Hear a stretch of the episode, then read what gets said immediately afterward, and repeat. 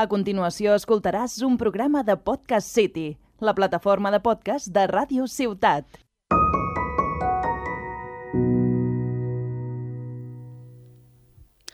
Bona tarda. Benvinguts i benvingudes a Postals Antigues, el podcast dedicat a la Tarragona d'Antes, així en tarragoní normatiu, la Tarragona d'Antes, a Ràdio Ciutat de Tarragona.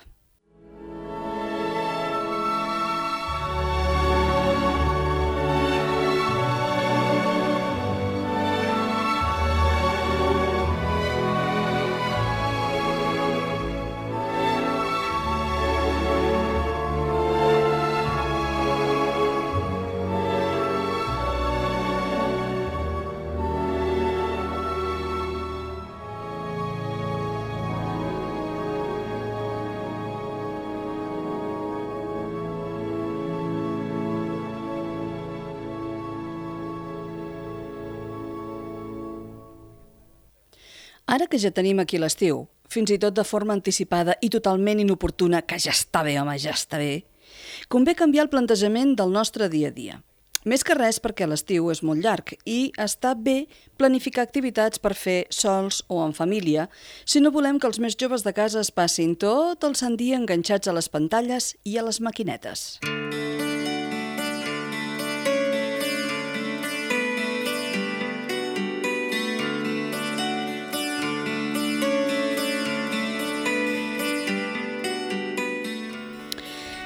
Quan jo era petita, d'això ja en fa unes quantes dècades, moltes tardes d'estiu, la meva àvia i jo agafàvem les bicicletes i ens n'anàvem a berenar a la platja de Sant Salvador del Vendrell. Penseu que jo sóc filla del Vendrell i, per tant, anar a la platja en bici passant per una carretera secundària i poc transitada ens portava escassament, no sé, mitja hora de pedaleig, més o menys. Llavors ens asseiem a la font modernista de pedra que hi ha just a l'entrada del nucli i allí berenàvem sota l'ombra de la pedra i al costat del brollador. Les tardes eren llargues i càlides i jo les recordo amb una estima i una que se'm fa difícil de descriure. Ara no us penseu pas que això era com una mena de verano azul, no, no, ni molt menys, però sí que eren tardes agradabilíssimes i compartides amb una gran companyia, una de molt enyorada.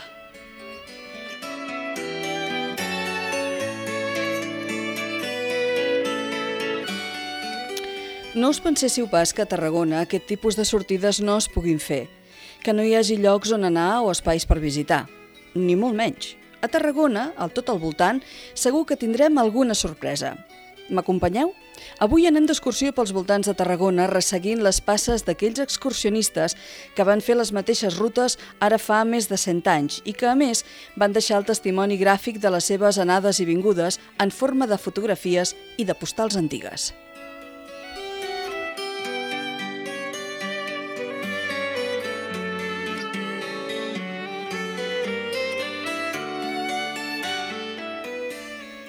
Antigament, la temporada de les sortides a l'aire lliure es feia coincidir amb el dilluns de Pasqua.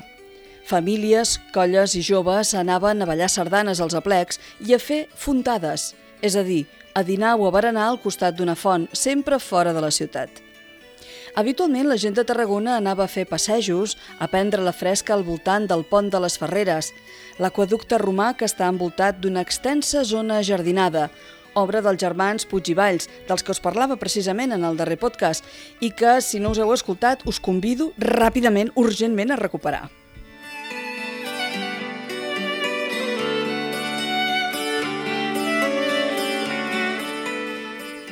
Els germans Puigvalls eren els propietaris de la Quinta de Sant Rafel, el que ara és el parc de la ciutat, i també tenien dues propietats més als afores de Tarragona. Una d'elles és el Mas de l'Àngel, també conegut com a Mas dels Arcs. Aquesta finca és molt a la vora del Parc Ecohistòric del Pont del Diable i, de fet, forma part del mateix entorn. Avui en dia pràcticament no queda res d'aquestes construccions, excepte la gran columna que encara hi ha al davant del mas i que porta el seu nom, i que, depenent de l'angle des del qual es miri, sembla que voli per damunt dels arbres. Es tracta de l'estàtua d'un àngel que està enfilada dalt d'una llarga columna, un monòlit dedicat al rei Alfons XIII en record i homenatge als morts durant la Guerra del Francès de l'any 1811. Dins la parcel·la d'aquest mas també hi havia una bodega d'estil modernista, obra de l'arquitecte el Juli Mestre Foses, però avui en dia tot està en un estat d'abandonament i de ruïna, està abandonat a la mà de Déu. Tota manera, si aneu, encara podreu veure la columna i al damunt el seu àngel.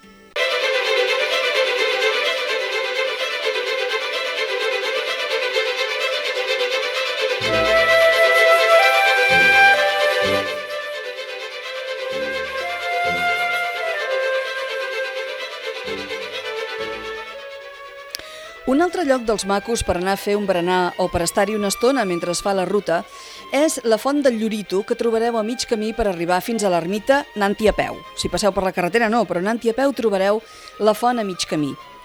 Abans del 1934, la Font del Llorito era un tresor, en 4 metres més o menys més endavant del lloc on es troba avui en dia. En aquest mateix any, l'Ajuntament la va urbanitzar de bell nou i la va fer recular per poder guanyar un espai més ampli just al seu davant i construir-hi la nova pica i els nous seients, que tenen forma així com de semicercle, tot de pedra picada. Aleshores es van plantar arbres nous i es va embellir amb baixos relleus, obra de l'artista tarragonina Teresa Ripoll.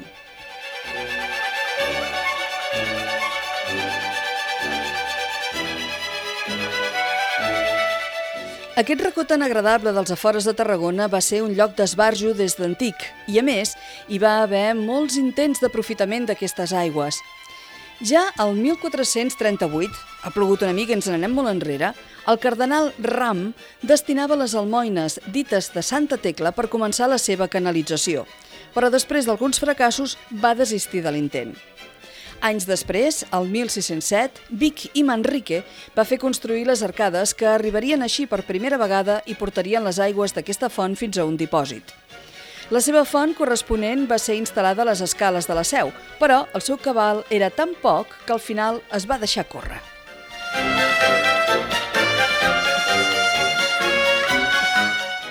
Tercer intent, el 1711, un enginyer estranger afincat a Reus va fer un nou intent de canalització acompanyat d'un nou malaguanyat. I així fins als nostres dies, en què la font ha caigut en un cert oblit. Afortunadament, no ha passat així amb la muntanya, la qual ha ressorgit gràcies a l'empenta d'uns tarragonins comandats pel doctor Atzarà, que no escatimaren esforços per construir una ermita i retornar l'esplendor a aquell lloc tan bonic.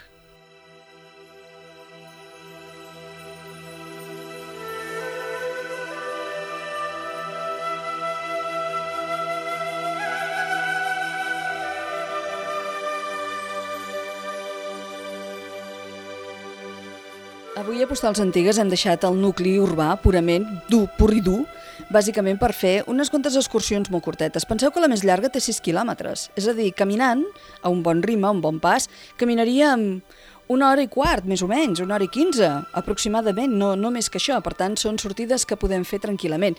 Més encara perquè en aquell moment, quan estem parlant, que són uns 100 anys aproximadament, no estava tot tan urbanitzat i tan, i tan ben arreglat com està ara, i per tant els camins eren més difícils de transitar. Avui en dia això mm, té tota una altra pinta.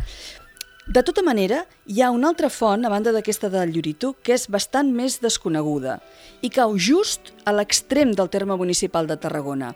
En diuen la Font del Garrot.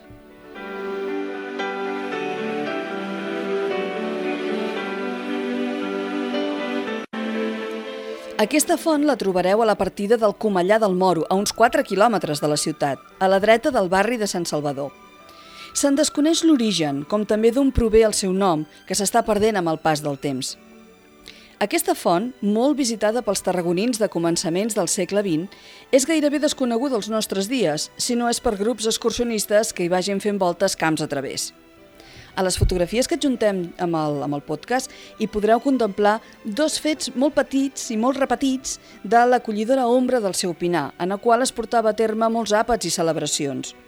La primera que veureu és un dinar en honor a Marcelí Domingo, homenatjat pels seus amics federals i radicals socialistes al mas d'en Joan Guinovart, que era en aquell moment un vell correligionari que encara recordava la Primera República del 1873. Marcelí Domingo presideix la taula, a la fotografia que us adjuntem. Amb motiu d'aquesta diada d'amistat fou col·locada una làpida recordatori amb la data de 31 de juliol de 1932 en aquest mateix mas.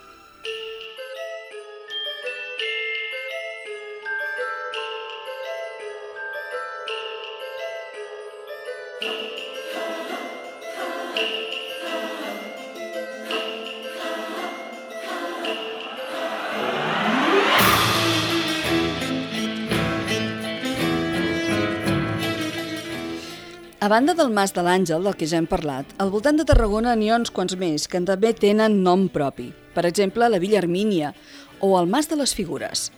Anem per aquest darrer. El Mas de les Figures es tracta d'un mas que es troba a prop de les coves de Llorito, a la carretera dels Pallaresos. Resulta que el senyor Josep Jordà Oliver era un espardanyer que vivia al cos del Bou. Era el propietari d'aquesta finca el mas rep aquest nom, el de les figures, perquè al seu voltant hi ha tot de figures que el seu propietari va esculpir. De fet, aquesta afició per l'escultura en aquest home se li va desvetllar quan ja tenia més de 60 anys.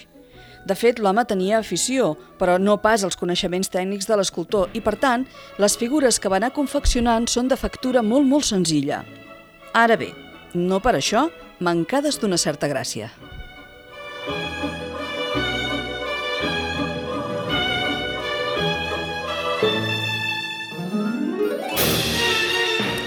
En total, de figures n'hi ha més de 200, que està dit de seguida, directament clavades al terra. Les figures que donen nom al mas són de ciment ràpid, un àrid i una mica d'espart. I de tant en tant també s'ajudava amb filferro i poca cosa més, pràcticament res més. Després, un cop solidificades, les pintava de blanc, amb grafí i llestos.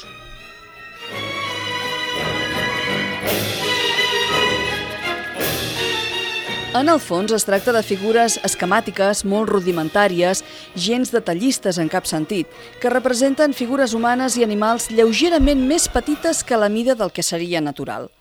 Els seus motius eren diversos, alguns en popular, toros, toreros i manoles, nus femenins, personatges històrics, bustos de celebritats del teatre, la literatura i la política, tota la imatgeria que el seu autor li passava pel cap.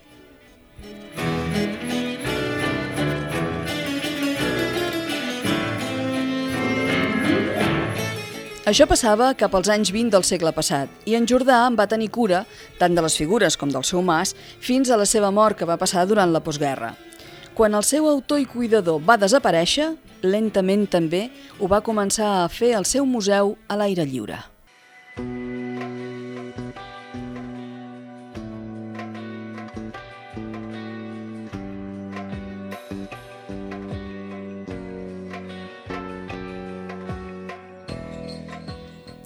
Ara que parlàvem de la font del Llorito, potser no tots els nostres oients coneixen l'existència de les coves del Llorito. L'ermita del Llorito té de tot, té coves, té fonts, té una miqueta de tot.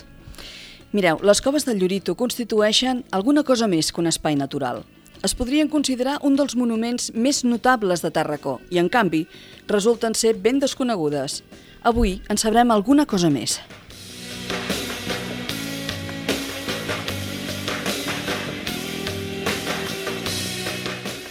De fet, aquestes coves són el resultat de l'acció humana, donat que es tracta d'una de les pedreres d'època romana més espectaculars de Tarragona i que, a més a més, tenen la característica de que són subterrànies. Un altre dels seus atractius, precisament. En les diverses cavitats s'aprecien a la perfecció els traços dels treballs realitzats pels picapedrers per l'extracció de carreus. Sabien què es feien aquella gent. Marcos Vitruvi Polion, arquitecte, enginyer i escriptor romà del segle I abans de Crist, va descriure aquestes pedreres subterrànies de roca tova calcària, com les del Llorito, destacant el fet que eren molt fàcils de treballar. El sistema d'excavació subterrània, encara que era molt més costós, era freqüent a l'antiguitat. Es troben suficients exemples d'aquest tipus d'extracció durant l'època romana en diversos llocs i, en molts casos, seguien amb les mateixes tècniques en èpoques posteriors.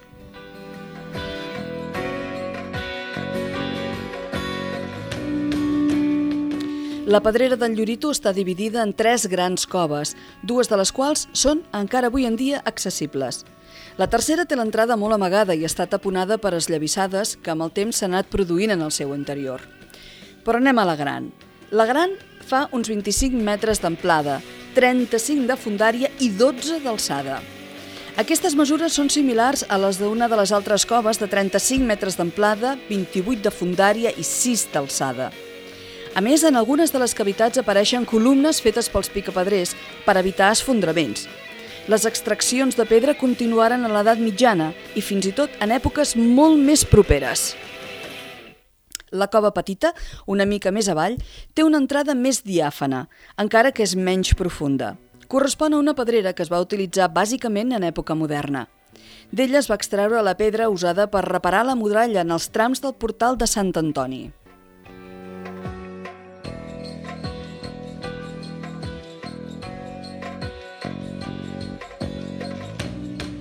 Que resulta que aquest tram de la muralla estava molt castigat per l'erosió i fins i tot en els últims anys ha patit diversos despreniments.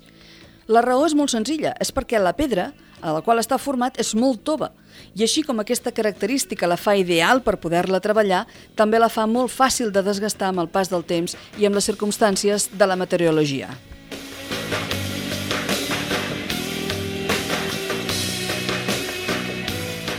Les coves del Llorito han estat un lloc de refugi per molts tarragonins en els moments més tràgics de la seva història recent. Durant la Guerra Civil Espanyola van servir a moltes persones per protegir-se dels bombardejos de l'aviació del bàndol feixista. I una mica més enrere, en el temps, durant la Guerra del Francès, una part de la població va preferir amagar-se fora dels murs de Tarragona davant la més que possible massacre per part francesa, i ho van fer en aquestes coves. També en la història més recent va ser un lloc de reunió d'antifranquistes. Reunions clandestines. En la en l'actualitat, algunes de les peces preparades per ser traslladades a la ciutat de Tàrraco geuen repartides encara pel terra de les coves. Avui en dia estan envoltades, què us diré jo, per ampolles de plàstic, per llaunes, per brutícia de tota mena. L'estat d'abandó és absolut i l'espai monumental està desprotegit. La pedrera, com que la naturalesa és molt sàvia, està oculta entre la mala herba i el seu accés només és possible a persones que siguin bones coneixedores de la zona i també de la seva ubicació, ja que, posats a faltar, també hi falta senyalització.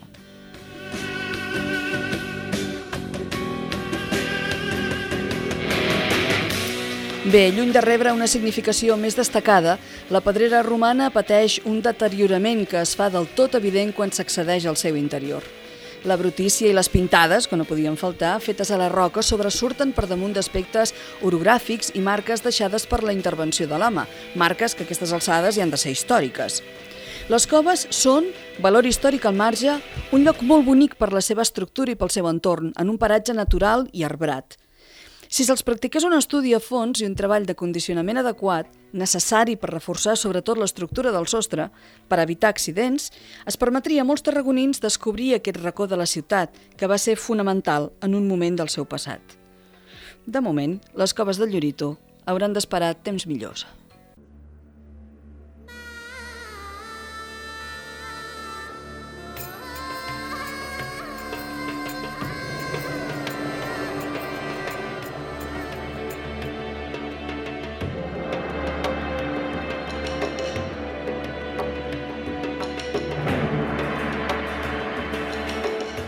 Hi ha una altra excursió que se solia fer tot anant xinutxano.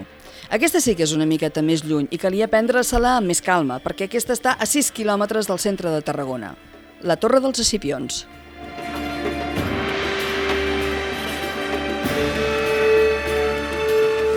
La Torre dels Escipions és un monument funerari romà en forma de torre que estava rematat al cim amb una coberta de forma piramidal. Es va construir a la primera meitat del segle I al costat de la Via Augusta. Al davant té dues figures simètriques adossades a la paret i que descansen en pedestals de prop de dos metres i que es corresponen al déu Atis. No pas els germans Escipió, Publi i Agneu, com a principi es creia, i que donen nom a aquest monument. Precisament es diu així perquè es pensava que dintre hi havien enterrats aquests dos germans, fundadors de la ciutat de Tarragona, o creadors, o, ja sabeu, Escipionum Tarracó Opus. Per tant, es pensava que els dos germans estaven enterrats allí. No és així segons estudis que s'han practicat posteriorment. I el que s'ha deduït és que aquest déu és el déu Atis, el que hi ha just al davant, i que a més a més té una forma que fa com de mirall. Està reproduït dues vegades fent mirall l'un de l'altre.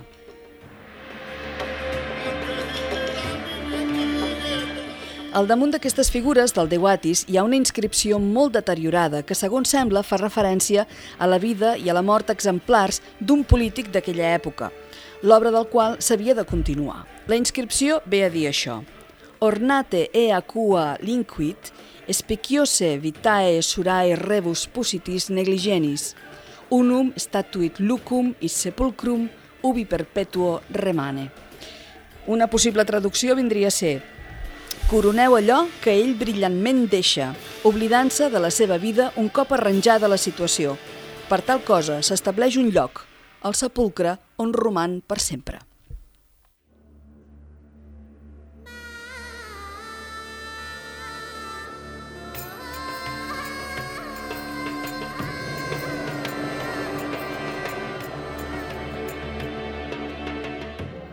Abans, quan la gent no estàvem tan enganxats a les més variades pantalles, els entreteniments dels que disposàvem eren molt més senzills, però també eren molt més sants. Els nostres rebesavis tenien una vida una mica més saludable que la nostra. Fer passejades, anar a visitar monuments, deixar-se perdre per entremig de camps i boscos, i total a una distància d'uns 5 o 6 quilòmetres, que a bon ritme no són més que una horeta de camí a peu. Avui molts dels llocs dels que hem parlat a postals antigues estan en estat de ruïna. Només el record d'una glòria passada i més útil fa que la memòria els conservi. Però la degradació que provoca el temps és implacable, especialment quan ningú en té cura.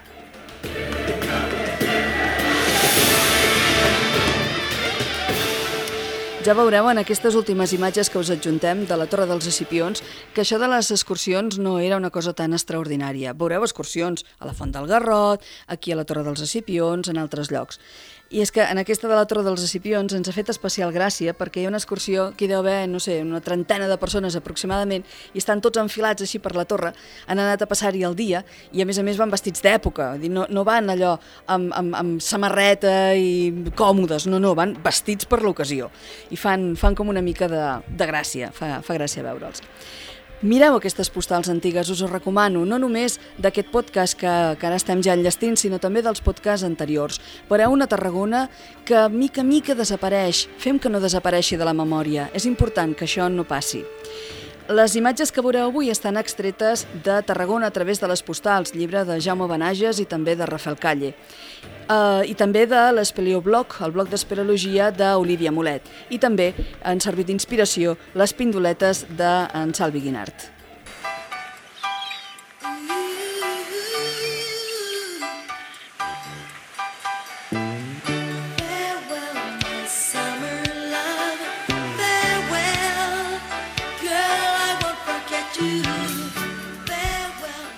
Bé, bé, bé, bé, bé. Doncs sí, no res, ja tenim l'estiu aquí. Què, semblava que no havia de venir, no? El que passa és que el que sembla és que no hagi marxat mai. Quan ha fet fred aquest hivern? Si és que no n'ha fet. L'Òscar em fa així amb les mans, volent dir, si és que no n'ha fet. Ja us ho dic jo que no. En tot cas, però, la canalla acaben el col·le ja, s'han fet ja la selectivitat... Ja, ja hi som, ja hi som. I la calor així ho demostra. No dona treva, no ens deixa viure, que ens treguin, si plau la mascareta el més aviat possible. I sobretot, sobretot, avui que s'acaba la temporada dels podcasts i de postals antigues, us desitjo que tingueu un estiu meravellós. Espero que ens trobem la temporada que ve.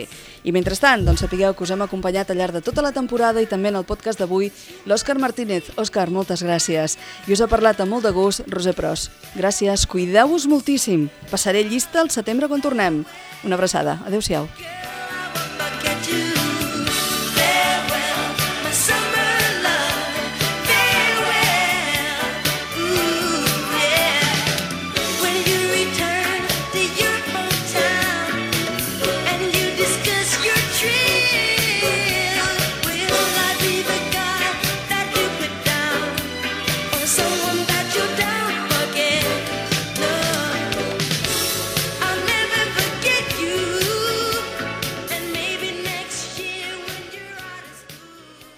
Has escoltat un programa de Podcast City, la plataforma de podcast de Ràdio Ciutat.